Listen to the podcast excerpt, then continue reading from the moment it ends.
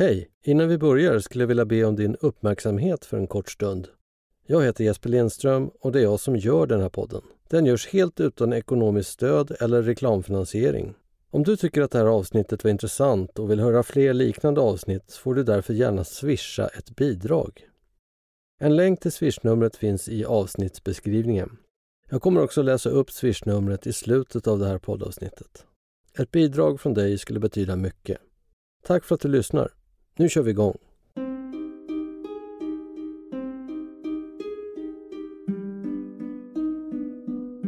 Tittar man på nästan alla andra priser, särskilt på livsmedel, så fortsätter de att öka, vilket oroar många bedömare. Vi har höga matpriser nu, bland annat att mjölprodukter. Det beror ju på att vi hade torka förra året. 2022 kommer gå till historien som året då matpriserna Hur, rusade. hur påverkas du av höjda matpriser och inflation? påverkar mig mycket, ja. Hej och välkommen till podcasten Att leva med celiaki med mig Jesper Lindström. Det pratas mycket om matpriserna just nu när inflationen har tagit fart. Och idag ska vi prata om priserna på glutenfri mat. För oss som lever med celiaki är dyr mat inget nytt. Så här låter det om man går till den glutenfria mathyllan och frågar folk i verkligheten redan innan livsmedelsinflationen exploderade hösten 2022. Vad tycker du om priserna på glutenfri mat? Ja, det är ju, de är extremt dyra tycker jag. Jag tycker inte att det är rätt. Vad tycker du om priserna på glutenfria produkter? Att de är för höga, tycker jag. Absolut, jämfört med vanlig och framförallt bröd, pasta, alltså de bitarna. Vad tycker du om priserna på glutenfri mat? De är väldigt dyra idag. Jag, jag tittar inte på priserna, jag måste köpa glutenfritt för min fru. Vad tycker du om priserna på glutenfri mat? Den är ju dyrare än den vanliga kosten. I snart två decennier har jag behövt köpa glutenfri mat och jag har också slagits av hur dyrt det är. Ja men eh, ta bröd till exempel. Sist jag kollade kostade normalt rostbröd, till exempel en jättefranska från Pågens, ungefär 35 kronor per kilo i den butik jag brukar handla på. Det glutenfria rostbrödet jag köper i samma butik kostade 90 kronor per kilo.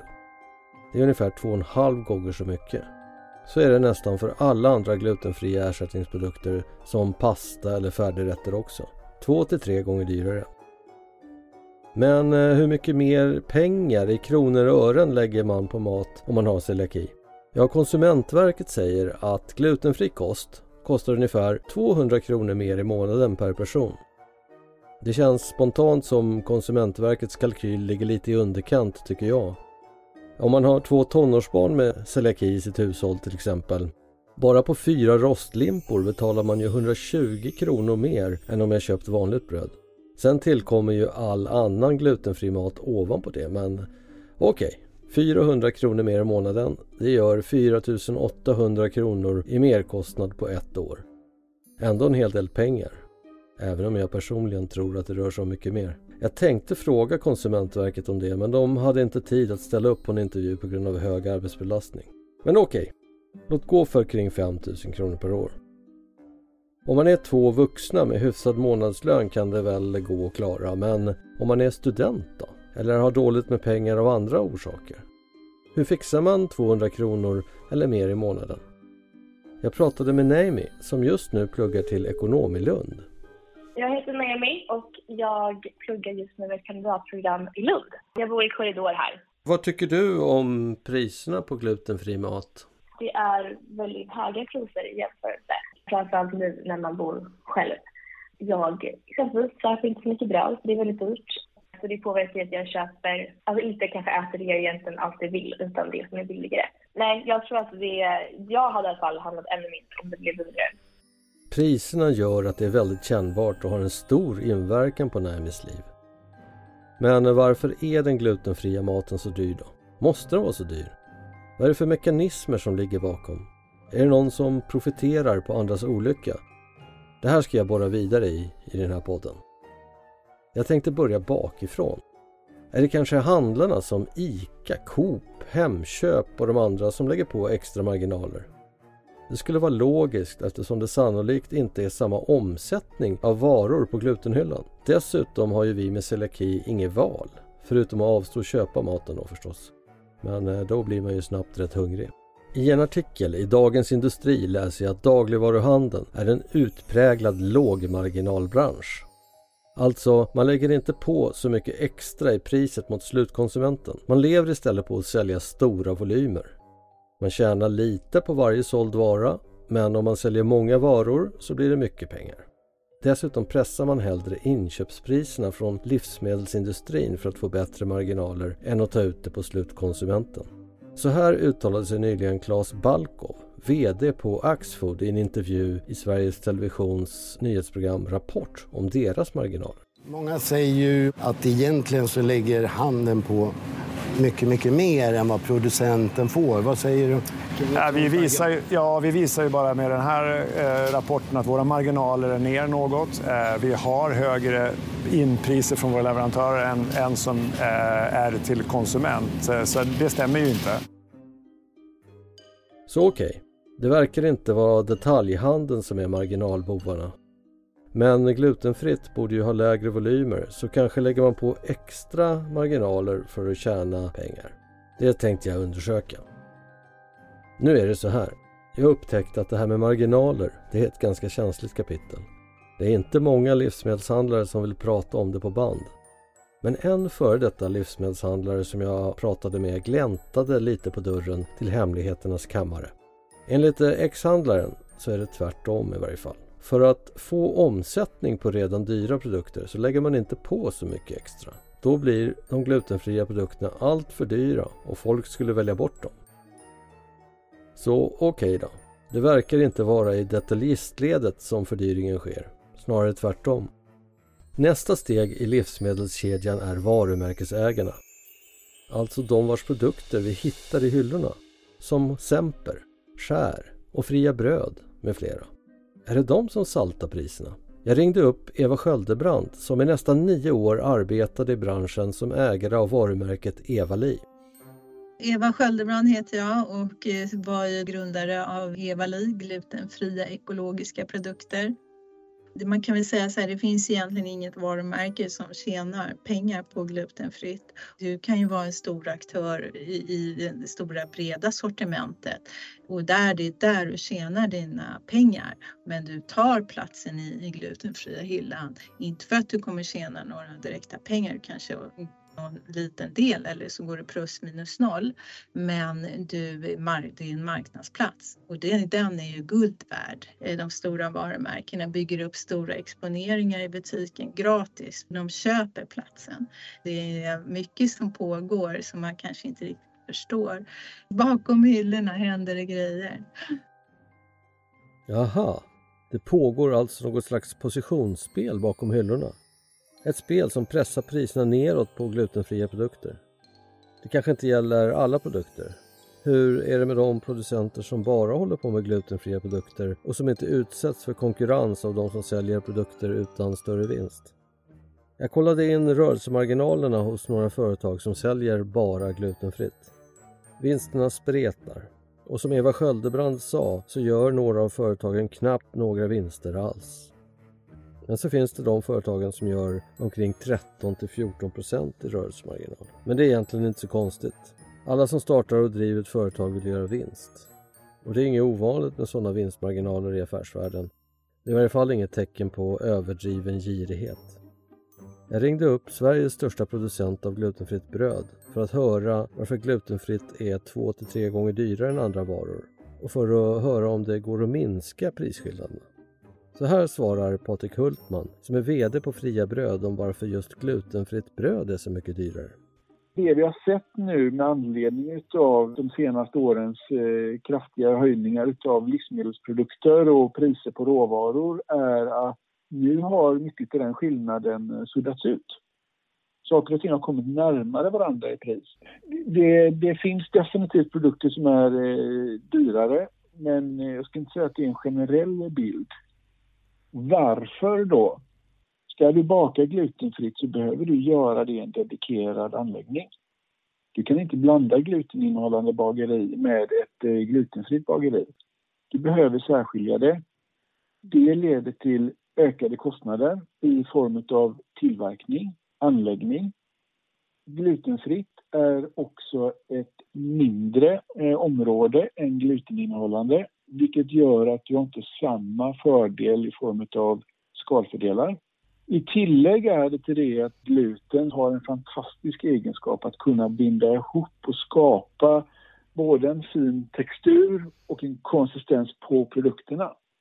Bakar du glutenfritt så tar du bort det och du behöver ersätta det med andra eh, råvaror som kan skapa samma effekter men som är väsentligt mycket dyrare än vad vetemjöl är. Och där pratar vi en kostnadseffekt som inte rör sig om två till tre gånger utan eh, det är multipel på över tio.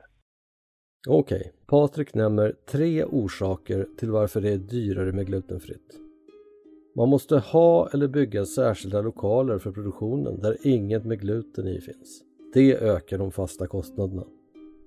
För det andra, det är mindre efterfrågan på glutenfritt, alltså Fria säljer inte lika många limpor som till exempel Pågen. Det betyder att man behöver tjäna mer på varje limpa för att täcka både fasta tillverkningskostnader som byggnader, personal, firmafester och liknande och de rörliga kostnaderna i form av ingredienser. För det tredje, man måste blanda i dyra ingredienser som kan vara tio gånger så dyra som vanligt vetemjöl. Dessutom inflikar Sofia Edlund som är inköpare på Fria Bröd.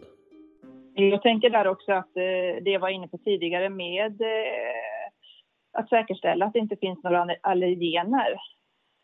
Den produktionsprocessen som finns för eh, till exempel havregryn som där man har en man har en annan process för att säkra att det inte finns några spår av andra sädeslag den kommer ju alltid att finnas.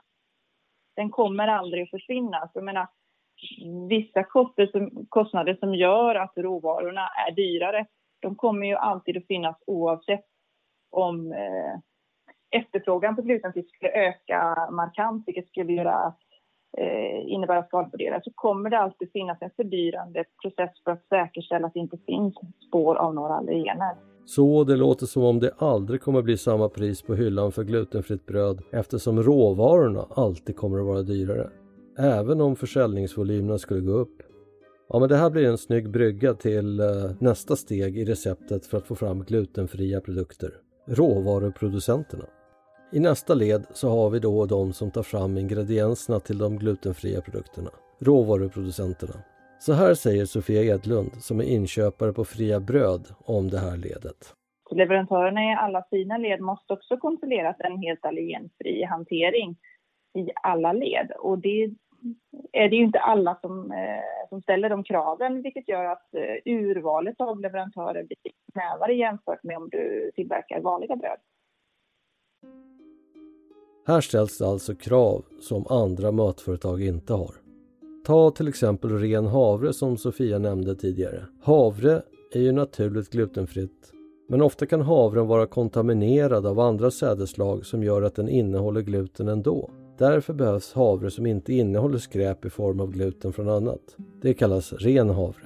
Förr var det vanligt att odlarna blev kontrakterade av uppköpare för att leverera ren havre. De fick i runda slängar dubbelt så mycket i ersättning för den rena havren från uppköparna. Men så är det inte längre. Så här förklarar Mikael Jeppsson som är spannmålschef på Lantmännen, den största uppköparen av spannmål i Sverige. Hej, Mikael Jeppsson, Lantmännen. Ja, alltså vi hade ju tidigare så hade vi faktiskt ett upplägg där vi gick ut och kontraktsodlade lantbrukarna. Vi hade ett kontrakt som hette 100 havre. Där vi erbjöd lantbrukarna en, premie, en väldigt hög premie den blev väldigt mycket dyrare. Om jag, om jag minns rätt nu så tror jag man hade en premie på den som nästan var dubbelt så stor som den vanliga, vanliga havrekostnaden. Mellan 50-100 procent dyrare i vårt led. Eh, och det var jättesvårt att lyckas. La vi ut eh, 100 procent så fick vi kanske 50 procent som klarade sig eller 30 procent som klarade sig. För Därmed så ändrades sen reglerna så nu det blev, till, det blev tillåtet att rensa havren, rensa havren ren helt enkelt. Men det släpptes så, kan det vara sex år sedan, att det var okej okay att köpa havre och så rensa den ren istället. Det finns ju rätt mycket bra rensmaskiner idag som bildanalyser och eh, som ja, tar bort oönskade kärnor. Vi har inget erbjudande idag där vi går ut till lantbrukarna och säger att odla 100 havre. Vi la ner det för det, det, blev, det var för dåligt utbyte helt enkelt. Det var för mycket som vi kan säga. I min värld så låter det som om det borde kunna sänka priset på ren havre då eftersom eh, ni inte behöver ha avtalsbönder utan ni har en maskin som gör själva sorteringen. Ja, det ligger egentligen i ledet efter oss. Vi rensar inte den fri från andra kärnor 100 procent. Det sker oftast i, i andra industrier. De, de industrierna som, ja, men som jobbar helt enkelt med att eh, producera produkter från 100 procent ren havre. Då, eftersom ni inte behöver kontraktera några dyra avtalsbönder, för jag antar att den var dyrare, så um, betyder det att i ditt led så har priserna sjunkit Ja, men det är det. Alltså, vi säljer ju normalt normal havre helt enkelt. Till Sen är det då industrin, ja till ett pris. Ja. Det är en standardhavre kan man säga. Okej. Sen är det då efterföljande led som rensar den. Den maskinen kostar pengar. Det är relativt små volymer som du inne på. va. Så det är nog en rensningskostnad som är hyfsat betydande. Men hur stor den är kan jag inte förstå. Ansvaret ligger alltså på kvarnägarna som får se till att havren blir ren. Det sker numera genom en automatiserad process enligt Mikael Jeppsson där främmande kon sorteras bort från havret. Kraven är hårda. Max en vetekärna per 5 kilo havre kan tolereras. Men vad säger kvarnarna då? Är det de som lägger på höga marginaler på den råvara som de levererar till producenterna av glutenfria produkter? Jag fick tag på Kristoffer Lund som är inköpschef på Abdon Mills som till exempel äger varumärket Finax. Enheten som Kristoffer arbetar för producerar inte ren havre men väl Finax glutenfria mjölblandningar som ersätter till exempel vetemjöl. Jag frågade honom så här om priserna och marginaler. Om man tittar på en mjölmix som man köper som ska ersätta vetemjöl. Det kostar ju kanske fyra gånger kilopriset som vanlig vetemjöl. Ja, det gör det. Hur kommer det sig att det är så dyrt? Ja, alltså, det, ja. Kort, kort svar till dig är ju varför är det dyrare med vetestärkelse? Jo, det är ju dels för att det är dyrare att, att framställa det än vad det är eh, att framställa vetemjöl. Sen har du allt annat runt omkring. Där, där vi då tillverkar vårt glutenfria så måste vi ha det dedikerat i ett renrum. Vi måste göra städningar. Vi måste ha certifieringar. Alla sådana mycket mer merkostnader. Vi måste göra labbanalyser på ett helt annat sätt för att säkra att det inte är gluten. Det kostar också pengar. Sen om man då tittar, nu tittar jag liksom på den enkla sorten. Vi, ibland måste vi berika de här livsmedlen med andra grejer, med vitaminer eller vad det kan vara för att det ska finnas just med tanke på att det är celiakikunder. De kanske har problem att få i sig vissa vitaminer och så vidare. Så därför måste det finnas en viss mängd av det här i det. Va? Det har ju oftast i en mjölmix, det så kanske där är ett mjölkpulver också i. Va? På mjölk och allt sånt har ju också gått upp något fruktansvärt. Så det är sådana parametrar också. Alltså det, ja, men om vi sen ska gå in och titta på brödmixer där vi har vetestärkelse, vi kan ha majsmjöl, och vi kan ha en mix av detta samtidigt som då kommer de här andra in naturligt glutenfria mjöler. Det kan vara tapioka, det kan vara eh, hirsmjöl, det kan vara teffmjöl, allt det här. Det är dyra produkter och det är grejer som inte odlas här utan det, det, det kommer ju kanske från det kan komma från Sydamerika, det kan komma från eh, Asien, det kan komma från eh, Afrika och så vidare. Att det är klart att dels är det ett, en dyrare råvara men du har ju också i dagens läge då att det har kanske stuckit iväg extra mycket. Det är ju frakter som har liksom varit uppe på rekordnivåer. Det har ju varit helt otroligt och är fortfarande. Vi har ju inte ökat våra marginaler som många tror. Det är tvärtom. Vi har fått sänka våra marginaler för att annars hade det varit, alltså det hade varit orimligt. Va? Priset borde kanske vara ännu högre än vad det är idag ute i konsumentledet då. Ja, så länge dagligvaruhandeln eh, ska ha sina, de marginalerna så att, ja, så är det. Kristoffer berättar också att de till och med fått lägga ner vissa produkter för att det inte är tillräckligt lönsamt att producera dem. Det är alltså inte heller här några extra marginaler läggs på. Men det tillkommer extra kostnader i det här ledet också för den glutenfria produktionen. Så kommer vi till det sista ledet i produktionskedjan. Odlarna. Lantbrukarna som odlar råvaran på sina fält. De kan faktiskt ha en liten del i att priserna på glutenfritt hålls höga. De har idag helt andra möjligheter att få bättre betalt för sin skörd eftersom det har skett en generationsväxling där lantbruket digitaliserats mer. Så här förklarar Kristoffer Lund, inköpare på Abdon Mills, utvecklingen. Det har ju varit ett generationsskifte bland våra lantbrukare där, där, där yngre generationer har tagit över på, på, på rätt många gårdar, och, och, och, alltså jämt hela Sverige. Och den yngre generationen nu, sen kanske en sju, åtta år tillbaka, de är mycket mer insatta i marknaden. Det vill säga börspriser, matifpriser, terminer och allt det här. Eh, det var inte de andra innan. Så det gör ju också att helt plötsligt så, så spekulerar ju lantbrukarna idag på ett annat sätt. Ska de hålla på den? Ska de sälja av eller ska man sälja av hälften, sprida risker och sånt? Jag måste ju snällt betala marknadspris annars så går det på export. Va? Så är det ju. Det är, det, det är liksom marknadsekonomi. Så bönderna har blivit bättre på att ta betalt för sina produkter. Fler köpare, även från utlandet, har breddat marknaden så att de kan sälja skörden till bättre priser.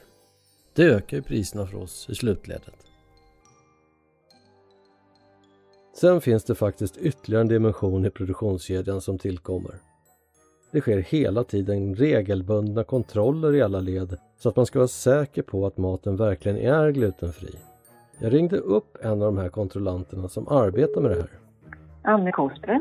Jag har jobbat med livsmedel egentligen hela mitt liv i eh, olika former. Dels har jag jobbat som matlagare, så jag har lagat mat praktiskt i, i 20 år. Sen har jag då mm, jobbat som revisor för olika kvalitetssäkringssystem kan man säga.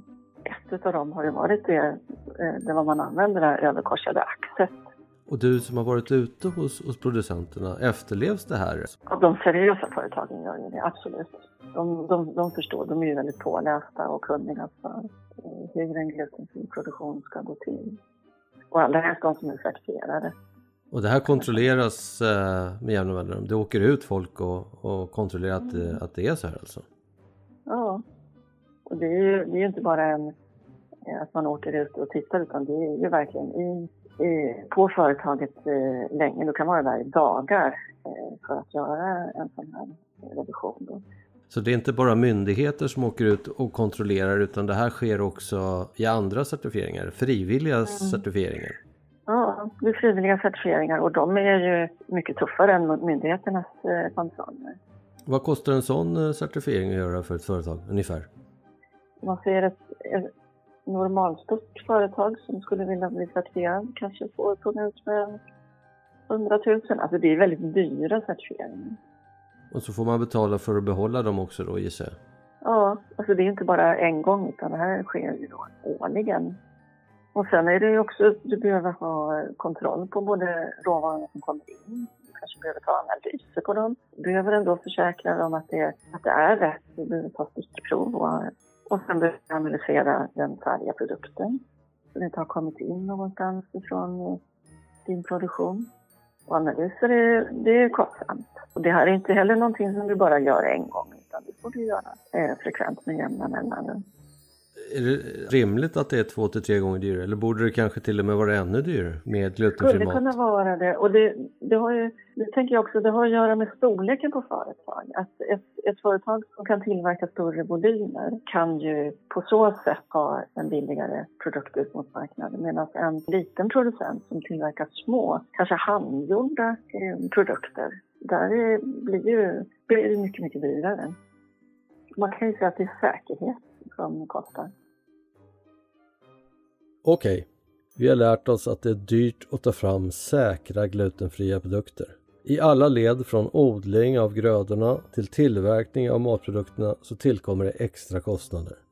Det är i form av dyrare råvaror, separering av produkter för att undvika kontaminering, som till exempel skilda transporter, lokaler och extra städning. Det är kostnader för löpande kontroller för att säkra att glutenhalten inte överskrider de satta gränserna samt krav från varumärkesägare och detaljister på certifieringar som visar att maten tillverkas på ett säkert sätt. Dessutom säljs det inte lika stora volymer av glutenfritt, vilket innebär att varumärkesägarna måste få in mer i vinst på varje produkt för att täcka kostnaderna och kanske göra vinst. Så de höga priserna på glutenfritt är här för att stanna ser det ut som, tyvärr. Dyra råvaror, dyrare tillverkningsprocess och dyra kontroller och certifieringar samt för små volymer gör att det är svårt att pressa priserna ytterligare. Och även om volymerna går upp så kommer de dyra råvarorna och ingredienserna ändå hålla uppe priset. När den här podden spelas in är vi mitt inne i den värsta matinflationen på decennier. Jag har följt priserna på ett antal produkter under ett halvår i förberedelserna för den här podden. I samband med det så upptäckte jag något intressant. Priserna på glutenfritt har inte stigit lika mycket som för vanliga matvaror. De produkterna som jag haft koll på under ett drygt halvår visade att priserna på glutenfritt stigit i snitt med ungefär 11 för vanliga glutenfulla jämförbara matvaror hade priserna stigit med 16% Men det varierar. Till exempel rostbröd. Vanligt rostbröd hade gått upp 30% medan det glutenfria rostbrödet bara hade gått upp 10% Den här trögheten i priserna på glutenfritt talar för att marginalerna på glutenfritt faktiskt är lägre i handeln än för andra produkter. Handlarna är medvetna om att det är ett priskänsligt sortiment. De glutenfria varorna är alltså redan så dyra att man inte vågar höja priserna på hyllan lika mycket som för andra produkter. Eftersom vi fått lära oss att livsmedelsbranschen är starkt volymberoende så skulle allt för dyra glutenfria produkter sannolikt innebära volymbortfall och det vill branschen inte ha.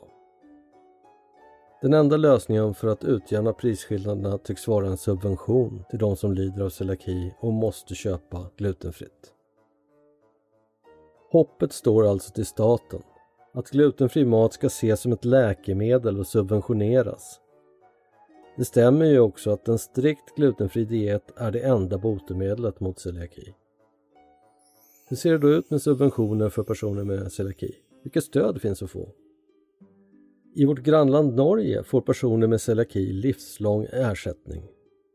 Upp till 30 års ålder får man cirka 1000 norska kronor per månad om man är diagnostiserad med celiaki. Och efter 30 får man cirka 700 kronor per månad. Det är alltså någonstans mellan 8 till 12 000 kronor per år. Men hur ser det ut i Sverige då? Har man samma möjligheter att få subventioner som i vårt grannland? Jag ringer upp Svenska Celiakiförbundets ombudsman Linus Rickert som svarar mitt i steget från en svajig uppkoppling i sin bil. Den, den fullvärdiga subventionen som de ska erbjuda det är Livsmedelsverkets lista. Och den subventionen borde vara värd ungefär 6 000 kronor per år i, liksom, i reduktion då men sen så erbjuder ju regionerna en, en begränsad sån variant där de liksom har kapat ner på antalet produkter. Exempel som i Stockholm som har typ 15 eller 12 produkter som de har valt ut själva som är typ inte bra alls. Istället för listan som Läkemedelsverket har med typ 80 produkter. Så då, då har man liksom begränsat den, då blir värdet mycket lägre på subventionen. Sen är det några som har tagit över till kontantbidrag så mellan 1000 och 3000 kronor då, om man läser på er hemsida kan man säga ungefär. Ja, jag tror att det är sånt. Så i Sverige beror det helt på var man bor, vilken typ av subvention man kan få. Vissa regioner använder en skral livsmedelsanvisning där man kan hämta ut subventionerad mat och andra ger en ganska låg kontantersättning. Väldigt få med celiaki får subvention när man är över 16 år räknade på det för några år sedan och då var det typ 10 över, över 16 tror jag som fick någon subvention. Eh, och jag tror att det är sämre nu ändå.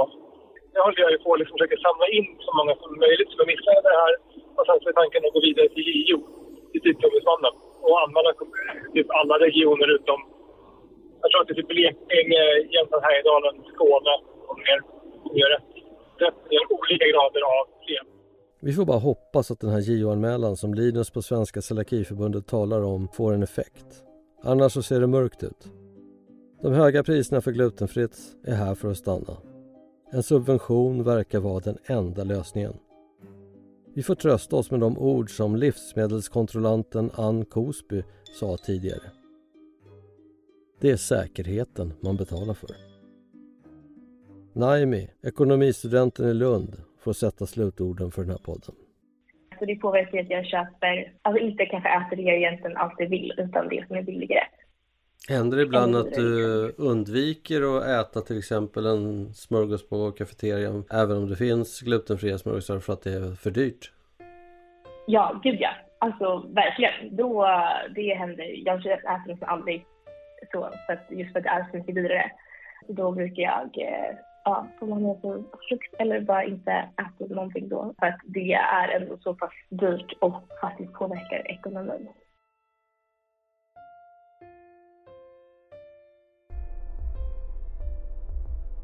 Du har lyssnat på podden Matpriserna i poddserien Att leva med celiaki av och med mig Jesper Lindström. Om du tycker att den här podden var intressant och vill höra fler dokumentära podcasts i samma anda så får du gärna swisha ett bidrag. Swisha då en valfri summa till nummer 123 152 30 00. Du hittar också swishnumret i ämnesbeskrivningen för podden eller på vår hemsida boldbuddha.se. Ljudklippen som används i podden kommer från Sveriges Televisions Rapport, Aftonbladet, Expressen och TV4. Musiken du hörde i avsnittet spelas under licens från Creative Commons. Du hörde Magic Escape Room av Kevin MacLeod. Den här podden är producerad av Bold Buddha Production i februari 2023.